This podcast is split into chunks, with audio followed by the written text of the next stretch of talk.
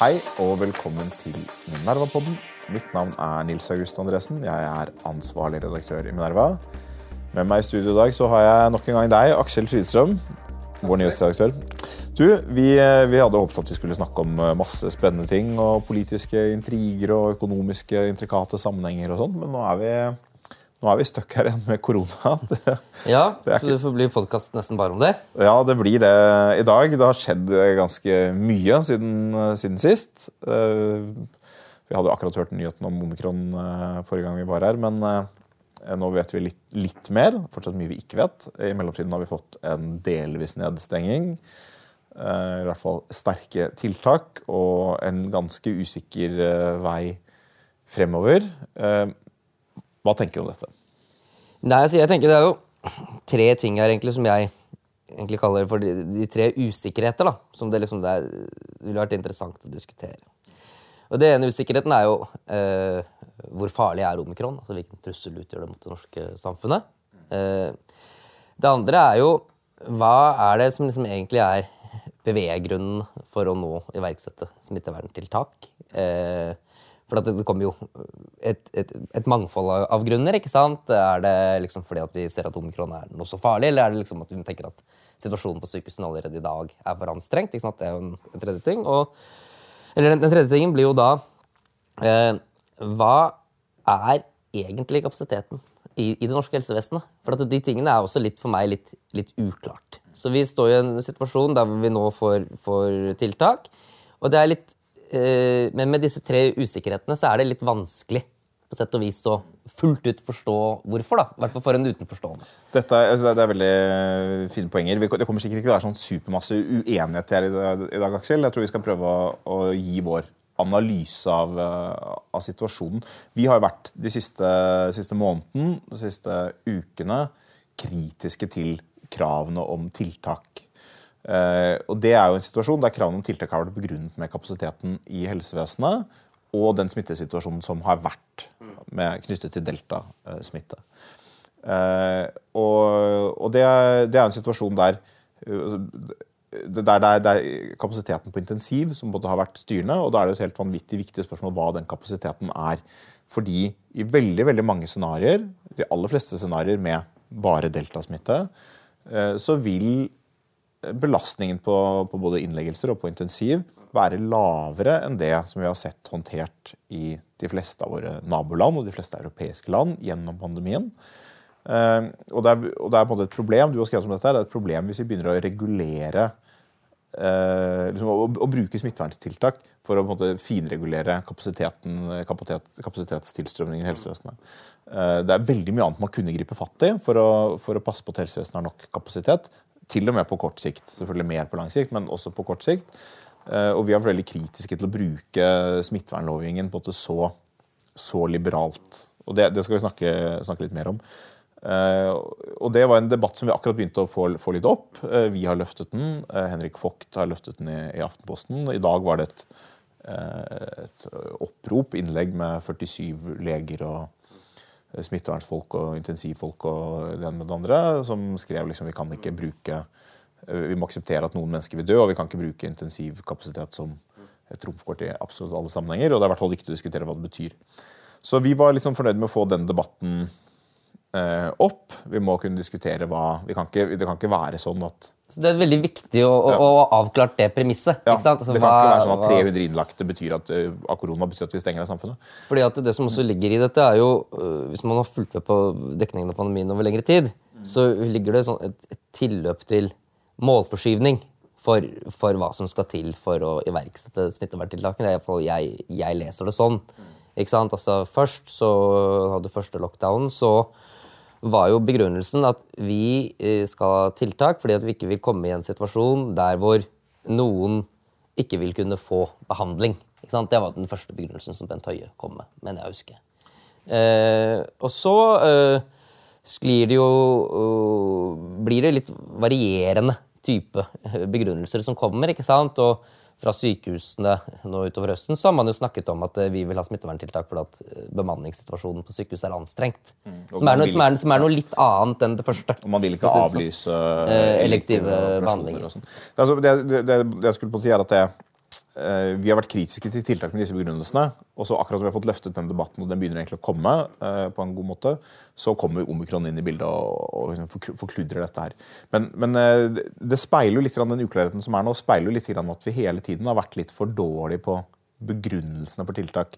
Hvis jeg skulle på en måte, prøve å gi min beste begrunnelse for den politikken som, som ble ført frem til gjenåpningen, så ville det være noe sånt som å si at da, da dette traff oss i mars 2020 så, så var økningen i antall innleggelser helt sånn. Eh, sånn. Altså Vi gikk fra liksom, den første innleggelsen 8. eller 9.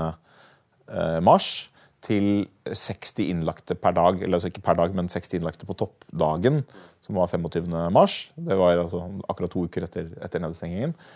Eh, og, og, man kan jo både se hvordan den kurven ville fortsatt hvis man ikke hadde, ikke hadde gjort noe. Eh, den, da ville det kommet opp i liksom mange hundre, 500 innleggelser per dag.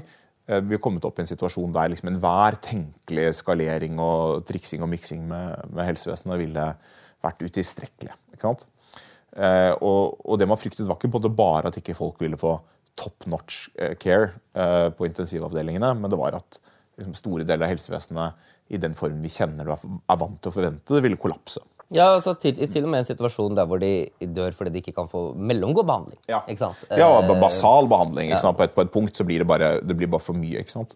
Eh, og, og det rokket jo liksom en sentral del av samfunnskontrakten. og det, det, var, eh, det var, Martin Krasnik, redaktøren i Vikenavisen i Danmark, som skrev rett etter 12. mars, tror jeg, at det er det er det som skiller denne pandemien fra tidligere pandemier, er at dette er den første pandemien av den typen og den alvorlighetsgraden som skjer etter at basal helsehjelp ble en eh, helt avgjørende del av samfunnskontrakten. Det er en kjempestor del av, av, BNP, det er en kjempestor del av skattebyrden og en stor del av forventningen vi har til våre myndigheter. at de, at de måtte passe på oss. Hvis du går tilbake i tid, så er liksom den basale samfunnskontrakten at, at staten beskytter deg mot uh, erobrere. Og kanskje mot eh, innbruddstyver. og drapsmenn. Og så kommer liksom denne delen inn, at den beskytter deg også mot uh, alvorlig sykdom og død. I den grad det er liksom noenlunde mulig. Og den delen av samfunnskontrakten ble truet. Og derfor iverksatte man tiltak. Og så, ganske raskt etter at, det, liksom, etter at tiltakene virket veldig godt, og, hvis, og, man i og for seg kunne lettet på det og holdt seg innenfor det, så fikk vi et nytt mål som var ganske godt og det var, og myndighetene skjønte nok eh, antagelig på vårparten, ganske tidlig på vårparten at vaksinene kom. Trump sa jo dette i april eller mai, det var kanskje tidlig i mai, at vaksinene kommer i desember. Og vi, vi lo litt av ham, liksom. Eller mange, mange var sånn, Ingen trodde jo på hva Trump sa uansett. Men det var jo basert på hva Pfizer og Moderna sa. At da var første del av trials allerede avsluttet, og man, man trodde at dette kom, kom da. og den nyheten offisielt kom jo, liksom, kom i oktober, men, men, den lå sikkert til grunn for planleggingen tidligere. Og, eh, og da kom det et nytt meningsfullt mål. At vi ser at vi kan begynne å rulle ut vaksinene i januar og ganske raskt vaksinere de eldste og mest sårbare. Da gir det god mening å ha tiltak for å holde pandemien veldig lavt frem til det. Fordi For å unngå den overlastningen må vi uansett ha noe tiltak.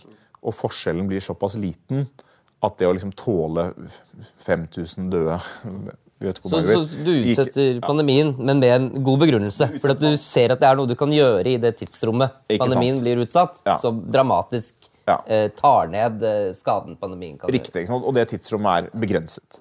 Så, så, det ga mening. Og så kan du si var det riktig å holde på tiltakene liksom, til alle 18-åringene var vaksinert. Det er en sånn, ok, der, der, hadde du mye mer, der kunne man ha en mye mer nyansert diskusjon hvor lenge vi skulle holde på med dette. men, men Jeg tror jeg også det kanskje har vært litt målforskyvning. Ja, ikke sant?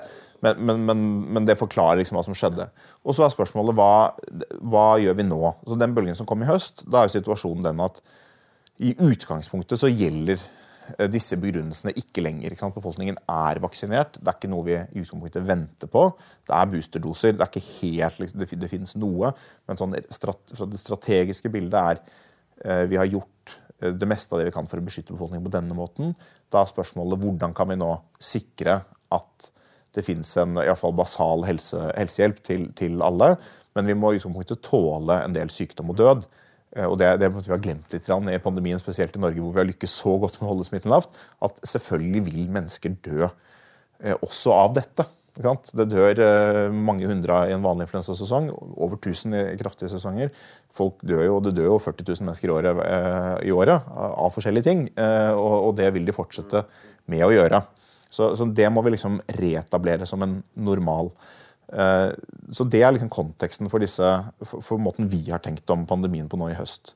Jeg kan bare få legge til også, fordi det er jo, I mediene så er det jo veldig mye sånn Nå er det liksom fem døde på dette sykehjemmet, eller i dag døde det liksom 20 av korona, f.eks.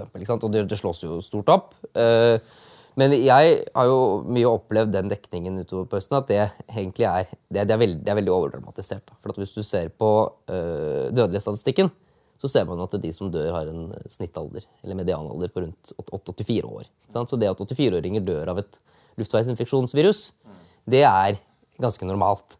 Og dør de ikke av dette luftveisinfeksjonsviruset, så ville de kanskje uansett dødd av et annet luftveisinfeksjonsvirus, som vi egentlig alltid har hatt i sirkulasjonen i den norske befolkningen. Så mye av dødstall, dødsstatistikken for korona utover den høsten har jo egentlig vist at vi egentlig har hatt en veldig vellykket respons. Fordi at vi ser at snittalderen på de som dør, er veldig høy. Eh, men eh, tilbake til kanskje til dette med, med omikron. Og, Ja, jeg som kan er- bare introdusere det, så jeg stiller deg et spørsmål. Fordi jeg sier, Dette har vært på en måte vår holdning. Det har vært at det er eh, det er jo fortsatt sånn at vi, det er strategisk viktig å unngå en kollaps i helsevesenet. Men det er på en måte blitt et problem, den målforstyrringen er blitt et problem der eh, det ga opprinnelig mening å holde pandemien lavt av andre grunner. Eh, og så har det liksom satt seg litt at vi, vi holder den lavt for å unngå press på helsevesenet. Ved å unngå utsettelse av elektive operasjoner. En rekke ting som pandemiplanen forutsetter at vi, at vi gjør i helsevesenet, vil man nå ikke gjøre.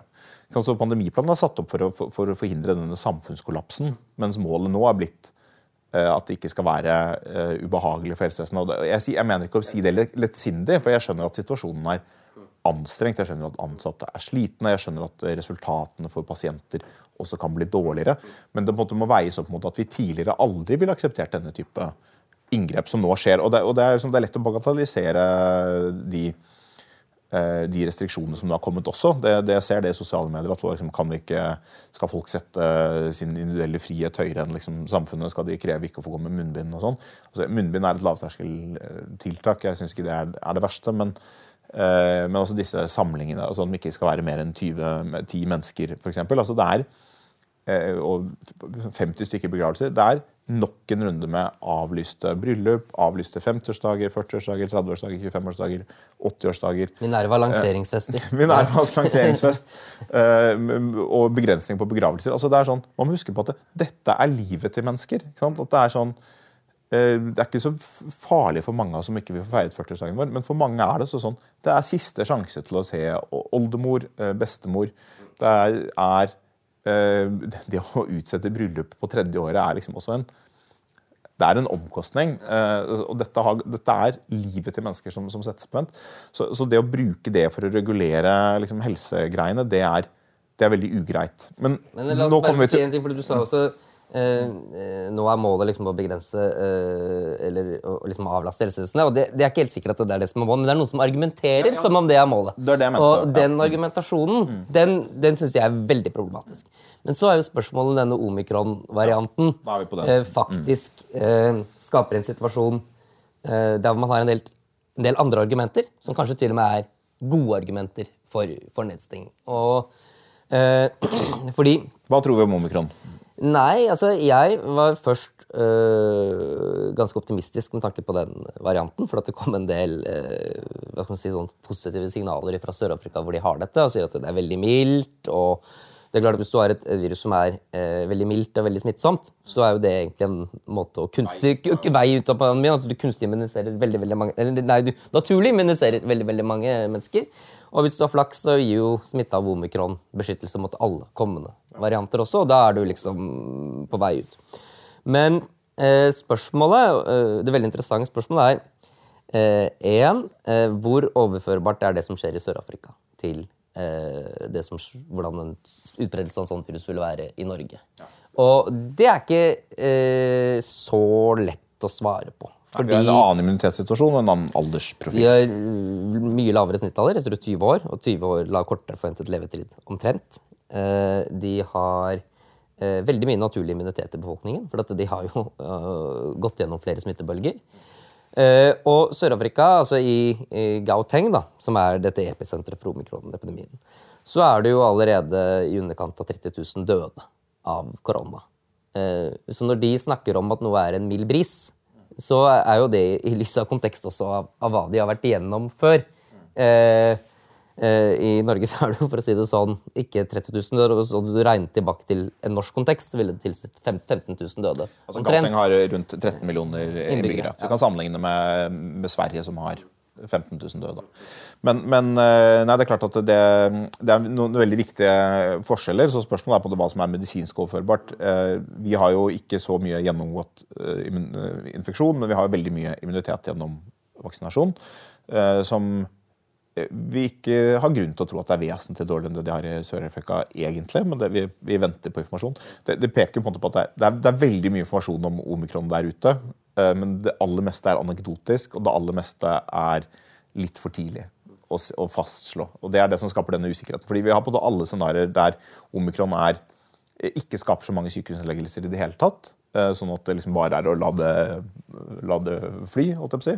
Til at, det, at vi er nesten tilbake i mars 2020. der altså vi, vi, vet allerede ganske sikkert at vi har dårlig beskyttelse mot smitte av omikron. Dvs. Si at det kommer til å ha et høyt effektivt reproduksjonstall, som da vil ligge ganske nær det basale reproduksjonstallet, fordi det, immuniteten har lite, lite effekt. Og det, det, kan jo være et reproduksjonstall på tre. Vi, vi, vi, er da tilbake til ting som vi ikke har sett siden mars 2020. Etter det har vi alltid enten hatt immunitet eller tiltak som har begrenset det, det voldsomt. Nå kan vi være tilbake til en situasjon hvor det eksploderer. og hvis, hvis det gir Ehm, en god del innleggelser, hvis det, liksom, hvis det ligner på, på, situasjonen før vaksiner, eh, eller bare er et sted la oss si midt mellom, eh, det, eller, eller, bare er som Delta har vært nå, men med et helt annet stigningstakt, så vil det være dramatisk fra et innleggelsesperspektiv. Altså du, hvis du legger til grunn at du ikke får noe drahjelp av vaksinene for å begrense smitten, som det er grunn til, som er en helt rimelig antakelse.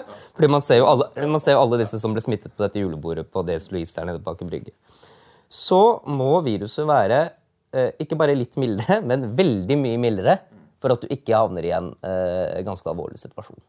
Eh, og hvis det smittes veldig fort, så er det ikke noe vanskelig å se for seg at det overbelaster helsetjenesten ganske, over ganske få uker fra i dag, egentlig. Kanskje midt, ja, midten av januar. Noen, noen uker, ja. ja. Så, eh, det, det, må vi regne med på. Men, eh, men det konklusjonen, den triste konklusjonen da, for lytterne Nå har vi snakket i en god stund om at vi er hvor kritiske vi er til tiltak, men konklusjonen er at eh, dersom omikron har en, en rimelig innleggelsesrate, en, en høyere innleggelsesrate enn veldig lavt, så er vi dessverre tilbake på liksom samfunnskontraktsbegrunnelsen for for nedstenging. Det er jo ikke den som har vært skissert eh, Det, er, det vi sier at det er så mange dårlige begrunnelser for innleggelse der, hvor det høres ut som det at det er mer enn 300 koronapasienter, er liksom en krise i seg selv. Eh, det er det jo på ingen måte. Det er tall som stiger ganske langsomt.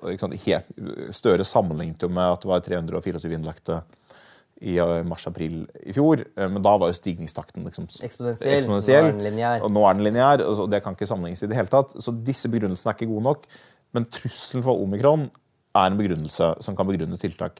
Men det som er litt sånn interessant og paradoksalt, hvis det er det som er begrunnelsen for tiltak, det er at og det kan du kanskje si litt mer om, eh, Aksel, men det er at eh, de tiltakene som er innført nå, mot, hvis vi forutsetter at vaksinene gir lite beskyttelse, at, eller at selv med vaksiner så vil dette viruset ha en, eh, et reproduksjonshold på rundt tre, så er disse tiltakene helt utilstrekkelige. Altså det, det, er åpenbart at de tiltakene som ja. er her, ikke vil kunne Eh, altså Skal du forhindre hvis du har eksponentiell vekst, så må du jo nesten dra R-tallet ned til én for å sørge for at det liksom ikke kommer en ganske bratt smittetopp. Du kan få uh... Ja, det kan være litt, litt høyere, men det må være veldig langt ned fra tre. Ja. Eh, hva, hva, hva, tenker du om det? Altså, hvorfor har vi innført disse tiltakene nå? Altså, regjeringen er åpenbart kjent med at uh, dette er utilstrekkelig for å stoppe omikron.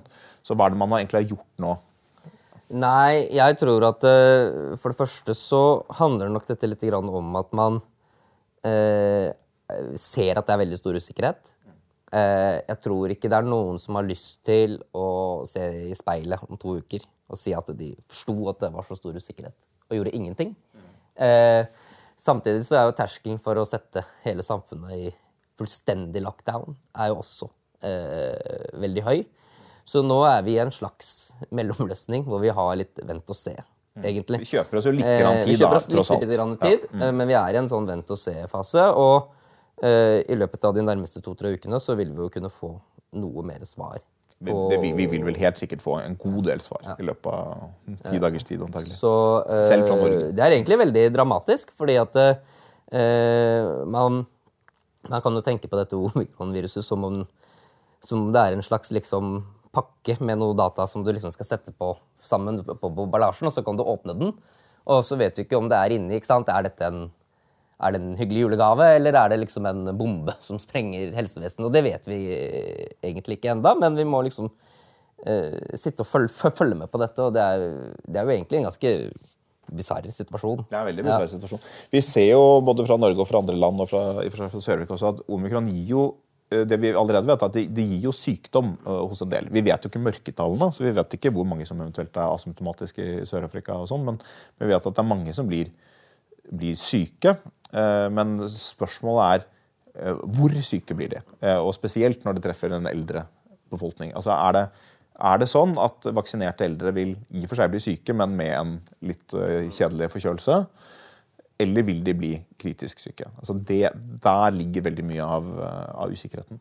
Men jeg vil litt tilbake altså nå, Vi kan på en måte fastslå at uh, våre optimistiske eller våre vi, vi klarer antagelig ikke helt å holde på den prinsipielle tiltakskritiskheten eh, nødvendigvis, uh, avhengig av utviklingen på omikron. Uh, Vi ser at uh, Jeg klarer, Dette- jeg klarer å holde på det prinsipielle argumentet om at jeg ikke aksepterer denne ideen om at kapasitet i helsevesenet Ja, ja. som et, permanent prinsipp. Absolutt. Men, eh, det er ikke sikkert, men hvis ikke det er det som er begrunnelsen for å innføre tiltak, så er det noe litt annet. Ja, ikke sant? Så det kan hende at vi kommer i en situasjon der Minerva igjen dessverre vil, vil støtte tiltak, men vi vet ikke ennå. Vi, vi må se.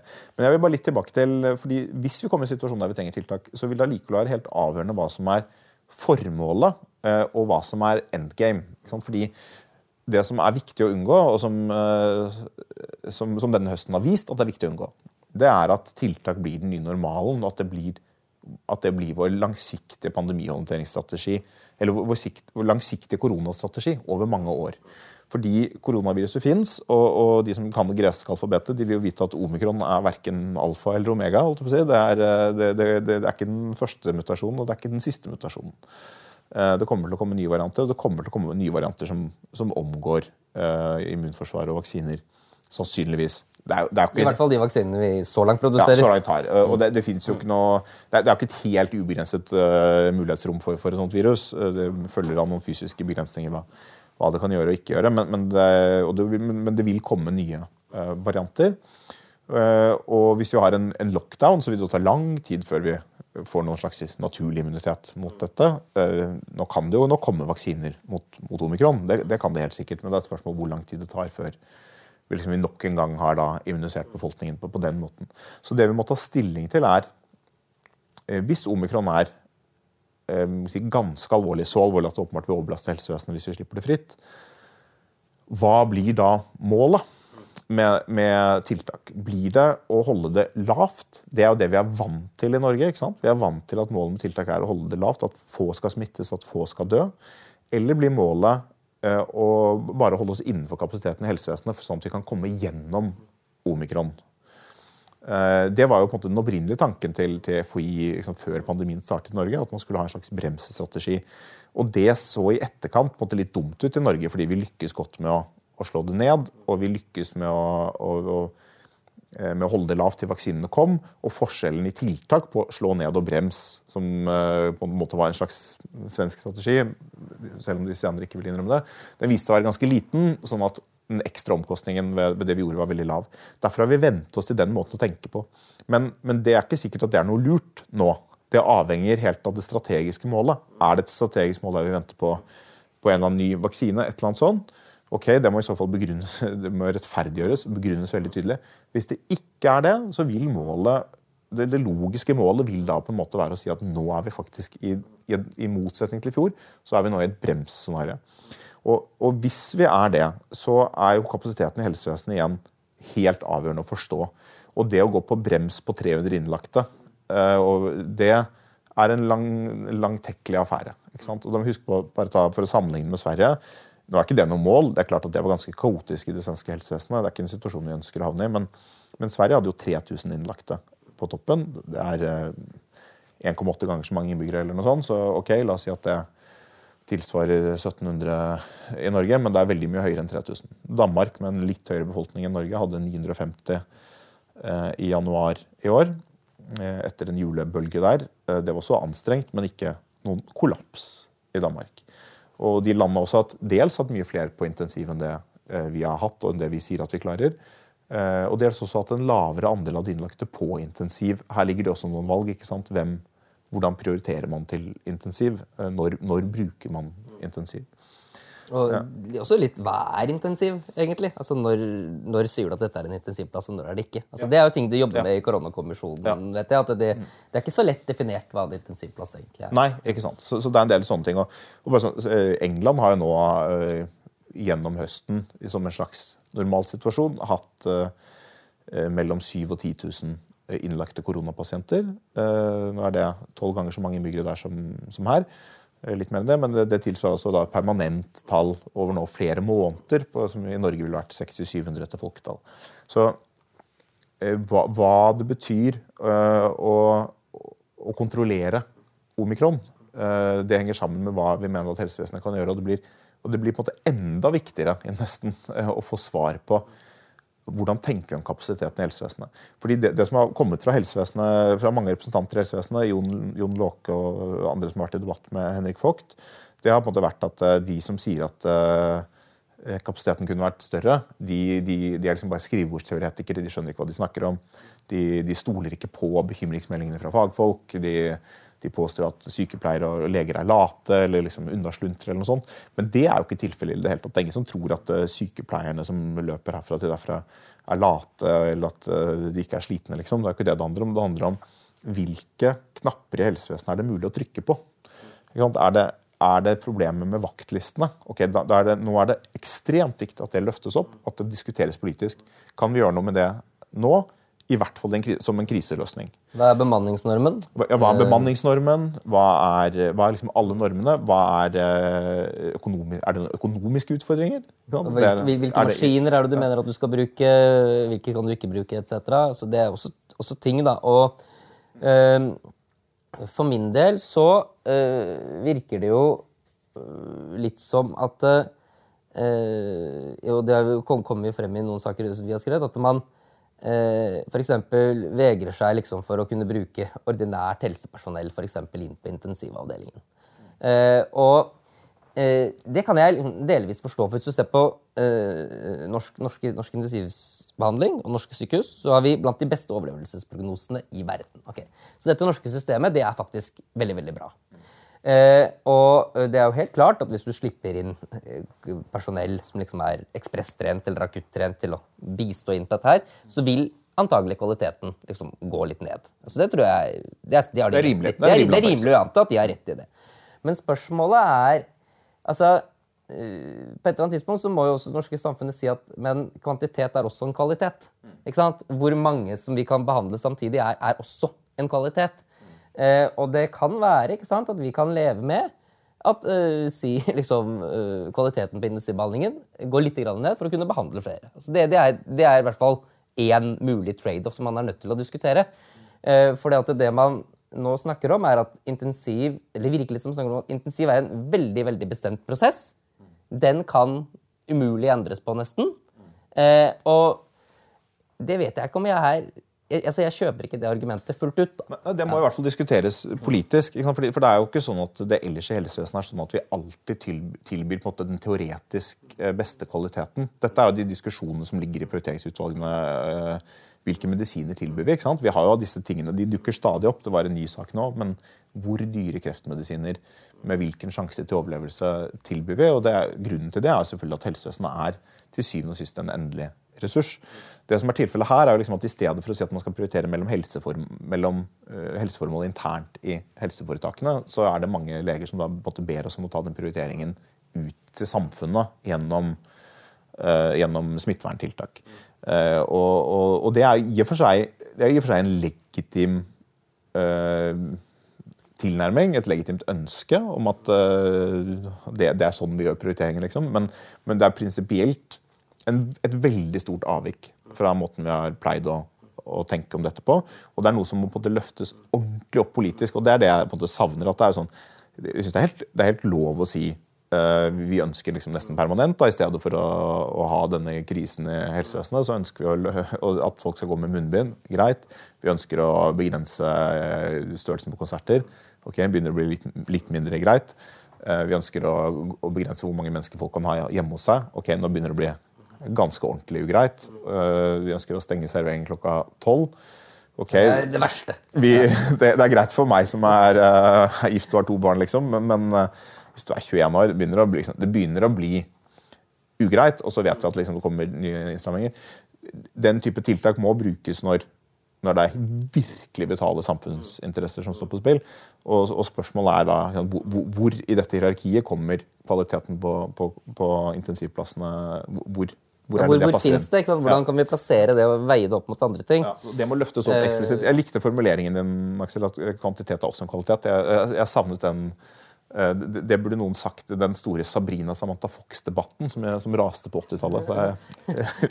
Litt før du husker, kanskje. Men, okay, jeg, vet, jeg vet hva du snakker om. Ja. men forholdet mellom kvantitet og kvalitet er, er veldig viktig. Ja. Det, er, et veldig interessant spørsmål som, som, som vi trenger å, å, løfte opp. Så jeg, jeg tror at Selv om nå, vi nå er i en situasjon der det er mer meningsfullt å diskutere om tiltak er påkrevet. Og, og vi er i en vente-og-se-fase, og det blir, vi kommer til å få veldig avgjørende svar de neste 10-14 dagene. Eh, så blir det enda viktigere at hvis, hvis man havner i en situasjon der, der, tiltak kan begrunnes, så må den begrunnelsen være veldig god. Og den må ha, eh, den må ha et klart formål og et klart eh, forsøkssitt og et klart endepunkt. Ting kan jo alltid endre seg. Men den må, den må, da også innbefatte en diskusjon om hva er da helsevesenets rolle, og, og, hvilken strategi er det tiltakene inngår i. Inngår de i en slående strategi? I så fall hvorfor? Eh, hva er i så fall hensikten med det? For Det er ikke åpenbart at det, at det kan begrunnes på samme måte som det kunne sist. Og Hvis det ikke er det vi skal, så blir diskusjonen om helsevesenets kapasitet måte enda viktigere nesten enn den var nå med omikron, hvor, nei, enn den var med delta. hvor hvor man på en måte kunne si ok, litt, med litt milde tiltak så, så, ok, dere har det stressende, men med litt milde tiltak så avlaster vi toppen litt. Men, men, hvis vi kommer i en eh, situasjon der omikron gir mye innleggelser, eh, så vil vi være i en situasjon der, eh, der behovet for innleggelser blir mye høyere. Og det blir, hvis, hvis det må cappes liksom på, på, 350 på intensiv, jo, eller 100 på intensiv, som jo er veldig veldig lavt sammenlignet med de pandemiplanene vi har hatt, så har vi et veldig stort problem. Altså, da, blir, da blir behovet for tiltak veldig, veldig, stort. Ikke bare at det blir veldig stort, for det kunne det blitt uansett, men det blir også veldig langvarig. Eh, for å holde omikron på, Hvis omikron gir mye og holde det på 70 på intensiv da, da, er det jo liksom hele denne vinteren og, og, mer til, liksom. For det er jo veldig interessant også, fordi at man har jo eh, jeg husker jo Bent Høie han lanserte jo den her eh, planen for 1200 på intensiv. ikke sant? Og så kommer han eh, Låke han sier at det er et luftslott. ikke sant? Og det er veldig vanskelig for oss utenforstående å, å forstå hvorfor liksom distansen i hvor mye dette kan skaleres opp og ned, blir, blir så stor. Og hva er egentlig konsekvensen av å skalere opp og ned. Og det kan være at eh, liksom, eh, de som lager disse kriseplanene på 1200, liksom, har noen gode penger. Men det kan også være at han låker på intensiven også. Jeg tror at han også har en del gode penger. Men det som befolkningen i hvert fall bør få klarhet i, er at hvis dette er så definerende for hva slags type samfunn Norge er, hva som er lov, hva som ikke er lov, så bør vi få lov til å vite nøyaktig hva er det som skjer med kvaliteten på behandlingen hvis du går fra å ha 300 samtidig anlagte, 400, 500, 600. Hva er det som egentlig skjer? Ja, og over eh, hvor lang tid? Over hvor lang tid. Mm. Eh, fordi at det er veldig rart hvis man holder opp noe som egentlig er ganske abstrakt definert. Vi sier kapasiteten på intensiv er anstrengt, eller kapasiteten på intensiv det går ikke lenger. så er det ikke helt klart definert hva, når noe regnes som en intensivplass, og, og hvorfor. Og egentlig hvorfor kvalitetskriteriene for intensivplassen er, akkurat sånn. Det er ikke helt klart definert. Eh, Men det er veldig klart definert at eksempel, du får ikke lov av mer enn ti personer hjemme hos deg.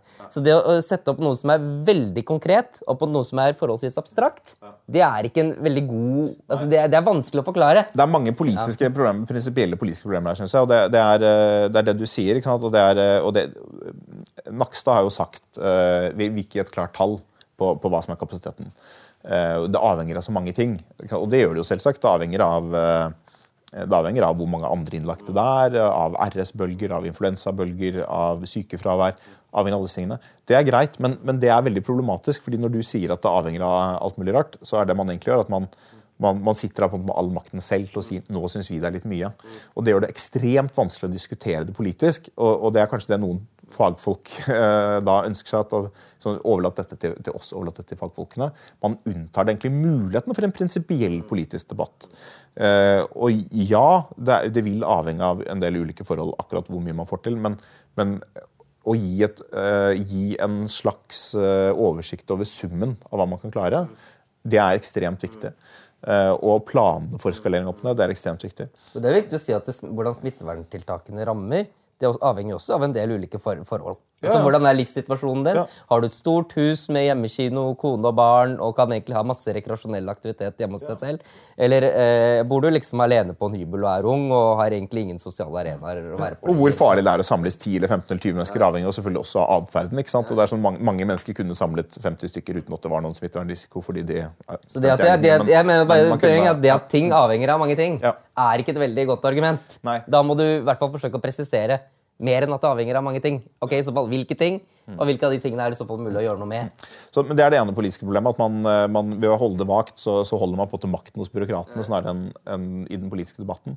Uh, det andre som er et problem, er hvis politikerne sier vi skal ha 1200 intensivplasser, planlegg for det, og så går det liksom lang tid, og så sier helsevesenet nei, det er bare et luftslott. Nå, nå, skal det sies at jeg tror Låke har vært ute tidligere og sagt at dette her er ikke realistisk. Det, ja, ja, han har ment det lenge. Og det, det er, eh, og det, kan han ha rett i, men utfordringen er jo da at altså, hvis, hvis, en politisk beskjed ikke er gjennomførbar, så må det løftes opp mye tydeligere, og ikke, ikke bare av Låke, men da liksom av sjefen for, uh, sjefene for helseforetakene. Må si denne bestillingen er ikke mulig, og så må politikerne Eh, da si ok, hva skal til for at den er mulig, eller hva er mulig? Og så må befolkningen få vite uh, hva, hva, er vedtatt, hva er mulig, uh, hva er det som skal til for at det er mulig, hva kan vi gjøre? Og Det er jo det som er litt problemet, og det, her, ligger, her ligger, må skylden deles på, på, flere. Forrige regjeringen, helseforetakene, nåværende regjeringen. Men, men noe kan gjøre, gjøres, og nå har, vi, nå har, det gått snart to år inn i pandemien.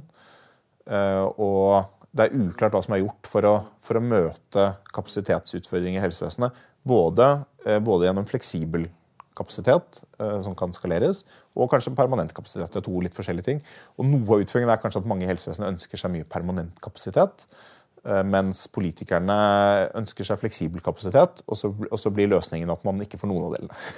og det, det, er jo et stort problem. Mens det som egentlig burde skjedd, er at man fikk begge deler. Ja. Ikke sant? Så, det koster penger, så da ryker nok formuesskattkuttene for Høyre. Men, men, men, men, man må finne på noe, man må, man må, finne ut hvordan man løser det. Vi kan ikke ha en situasjon der vi trenger både kanskje en del permanent kapasitet. Vi, vi kommer til å trenge mer permanent kapasitet på intensiv, det tror jeg vi kan si etter pandemien. Eh, men vi, det, er mye tydeligere at vi trenger fleksibel kapasitet. Og Helsevesenet har, har fremstått for meg som i hvert fall en del av de som argumenterer. Eh, de ønsker ikke å forholde seg til denne fleksible kapasiteten. for Det, det tar fokus vekk fra det de er opptatt av. Men vi, vi, må finne en måte å jobbe med begge de problemene på. Og du kan jo si at det, det å, her, det å si at det, det, norske samfunnet har ikke bygget opp nok permanent intensivkapasitet. Altså, det er jo en, en, relevant samfunnskritikk for de som jobber på intensiven. og det kanskje de har rett i det. Eller jeg tror kanskje, det er ganske, ganske sikkert at de egentlig har rett i det. Men det i seg selv er ikke et så veldig godt argument mot å ha fleksibel kapasitet. Det er snarere et argument for å ha fleksibel kapasitet. For du kan tenke deg at Hvis du skal gå fra A til B, og det er to veier, og det er rast masse stein over den ene veien, så er ikke det et godt argument mot å gå den andre veien. Det er snarere et argument for å gå den andre veien. ikke sant? Så, men for de som men Hvis du liksom jobber veldig aktivt for eller har som et aktivt måte, vi vil ha større permanent reservekapasitet, ikke sant? Så, så, ønsker man jo også å benytte anledningen til å få frem ens poeng, så jeg, jeg, jeg skjønner det. Men eh, det er ikke nødvendigvis det som skal være styrende for hvordan hele samfunnet skal tenke om dette problemet. Da tror jeg vi er kommet til, til veis ende, Aksel. Eller har du flere dype innsikter å dele? Nei, jeg har ikke det. Nei, du har ikke det. Jeg har tømt meg Du har tømt deg. Vi har tømt alle sammen. Skal jeg Det tenke er, på eh, poenger til neste podkast? Vi hadde kanskje håpet at vi ikke skulle ha denne diskusjonen eh, i dag. Men eh, for å oppsummere litt, vi er fortsatt kritisk til veldig mange av begrunnelsene som gis for uh, inngripende tiltak. eller for tiltak. Eh, nå kan det hende at det har kommet en situasjon der det, begynner, der det finnes gode grunner for tiltak. Vi vet ikke ordentlig ennå. Vi avventer og ser. De tiltakene som er innført, vil ikke være tilstrekkelig hvis et, et worst case-scenario skulle slå til. Eh, Men det kan hende at vi får et eh, mye mildere scenario. Og det, det, er Det jo på. det er jo håpet frem til jul. God Eh, jul! I mellomtiden så ønsker vi god jul. Vi ses og kanskje høres før det. Takk for oss.